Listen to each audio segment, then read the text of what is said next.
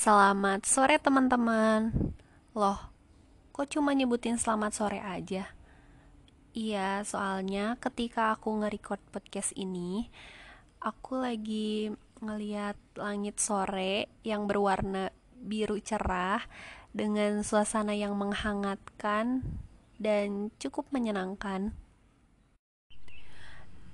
Jadi, aku berharap di mana pun teman-teman berada dan apa pun kondisinya, aku berharap ketika mendengarkan podcast ini, suasana yang hangat dan cukup menyenangkan ini bisa mengalir lewat podcast ini. Dan semoga teman-teman selalu dalam keadaan sehat-sehat ya sekarang. Tetap jaga kondisi dan jaga kesehatan mental juga.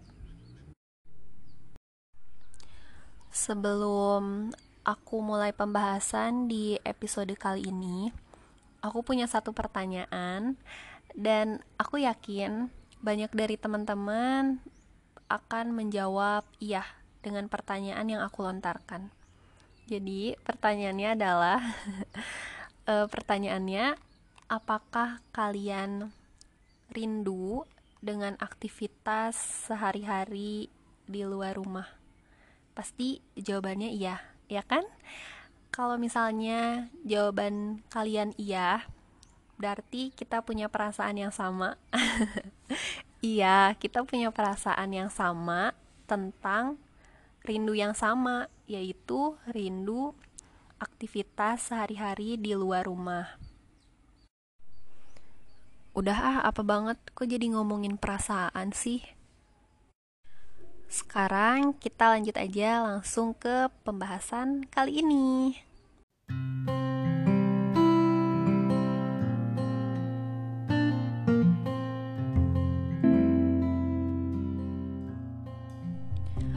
Nah, kenapa sih uh, di episode kali ini aku mau membahas tentang kepercayaan diri?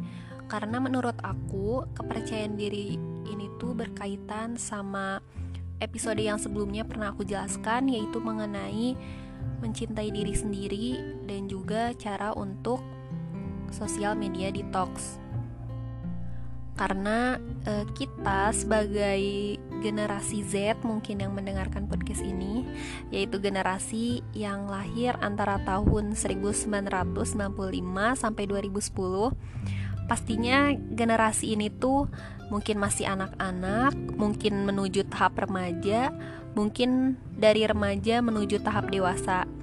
Dan pastinya di kehidupan sehari-hari kita memerlukan banget yang namanya kepercayaan diri. Tapi banyak dari kita yang masih mengaitkan atau kayaknya garis besar dari definisi percaya diri adalah ketika kita berani melakukan sesuatu di hadapan banyak orang atau kita misalnya berani untuk bicara di depan publik. Menurut artikel yang aku baca yaitu dari mindtools.com, kepercayaan diri atau self-confidence adalah memahami bahwa diri sendiri mempercayai penilaian dan kemampuannya serta dapat menghargai diri sendiri dan merasa berharga, terlepas dari segala ketidaksempurnaan. Nah, makanya kenapa aku bilang bahwa dengan kita mencintai diri sendiri itu ada kaitannya sama kepercayaan diri yang akan kita bangun karena semakin kita mengetahui kekurangan, kelebihan dan karakteristik yang ada pada diri kita maka rasa percaya diri pun akan terus meningkat.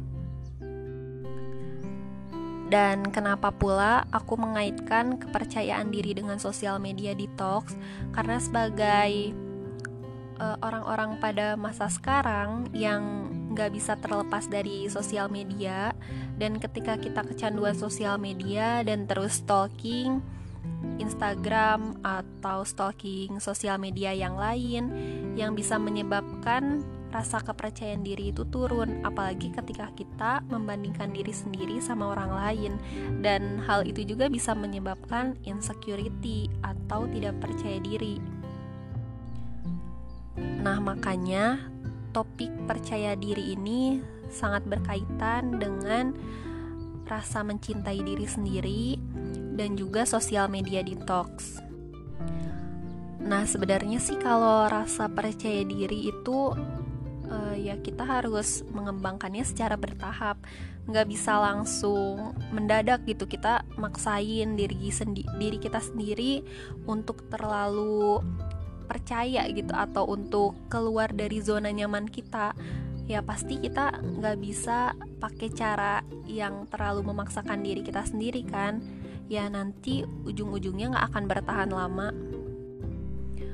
Nah biasanya eh, kata-kata yang seperti aku percaya diri aku yakin sama diri aku sendiri aku yakin aku bisa aku bisa jadi yang terbaik nah sebenarnya ketika kita akan melakukan sesuatu tapi kita nggak percaya diri tapi kita e, di dalam hati mengucapkan kata-kata tersebut sebenarnya kata-kata atau kalimat itu bisa jadi mantra buat kita. Walaupun sebenarnya ya kita lagi nggak percaya diri tapi ketika kita mengucapkan kata-kata aku percaya dengan diriku sendiri aku percaya aku bisa aku bisa menjadi yang terbaik. Sebenarnya yakin bahwa kata-kata tersebut adalah mantra tersendiri untuk kita. Dan kadang ketika aku ada di posisi atau suasana yang aku sendiri nggak percaya sama diri aku sendiri aku nggak bisa pede dan aku terlalu malu untuk melakukan sesuatu itu biasanya aku bilang ke diri aku sendiri bahwa nggak apa-apa dipermalukan satu hari tapi nanti dibanggakan seribu hari. Entah sih tapi kayaknya kalimat itu bisa jadi mantra buat aku selain kata-kata yang tadi. Biasanya kan tiap orang beda-beda uh, kepercayaan dirinya tapi aku selalu salut sih ketika ngeliat orang-orang yang punya kepercayaan diri tinggi karena dengan kepercayaan diri tinggi mereka bisa mendapatkan first impression yang bagus dari orang lain People with low self-confidence often find it difficult to make a good first impression. Jadi, orang-orang dengan kepercayaan diri rendah sering merasa sulit untuk membuat kesan pertama yang baik. Dan aku setuju banget sih sama pernyataan ini karena emang benar ketika kita nggak percaya diri dan kita baru ketemu sama orang yang kita kenal, nah pasti ada perasaan canggung kan untuk berkenalan. Jadi mungkin lawan bicara kita pun beranggapan bahwa kita tipe orang yang kaku, kita tipe orang yang tidak menyenangkan padahal di balik itu semua kita sedang merasakan rendahnya kepercayaan diri kita. Nah, makanya kenapa kepercayaan diri juga sebenarnya berpengaruh, sangat berpengaruh pada first impression atau kesan pertama dari orang-orang yang sebelumnya nggak kita kenal. Dan aku yakin ketika kita sering untuk bisa lebih memahami karakteristik, kekurangan, dan kelebihan kita, kita pasti bisa kok mengembangkan rasa percaya diri kita dan meningkatkan rasa percaya diri kita.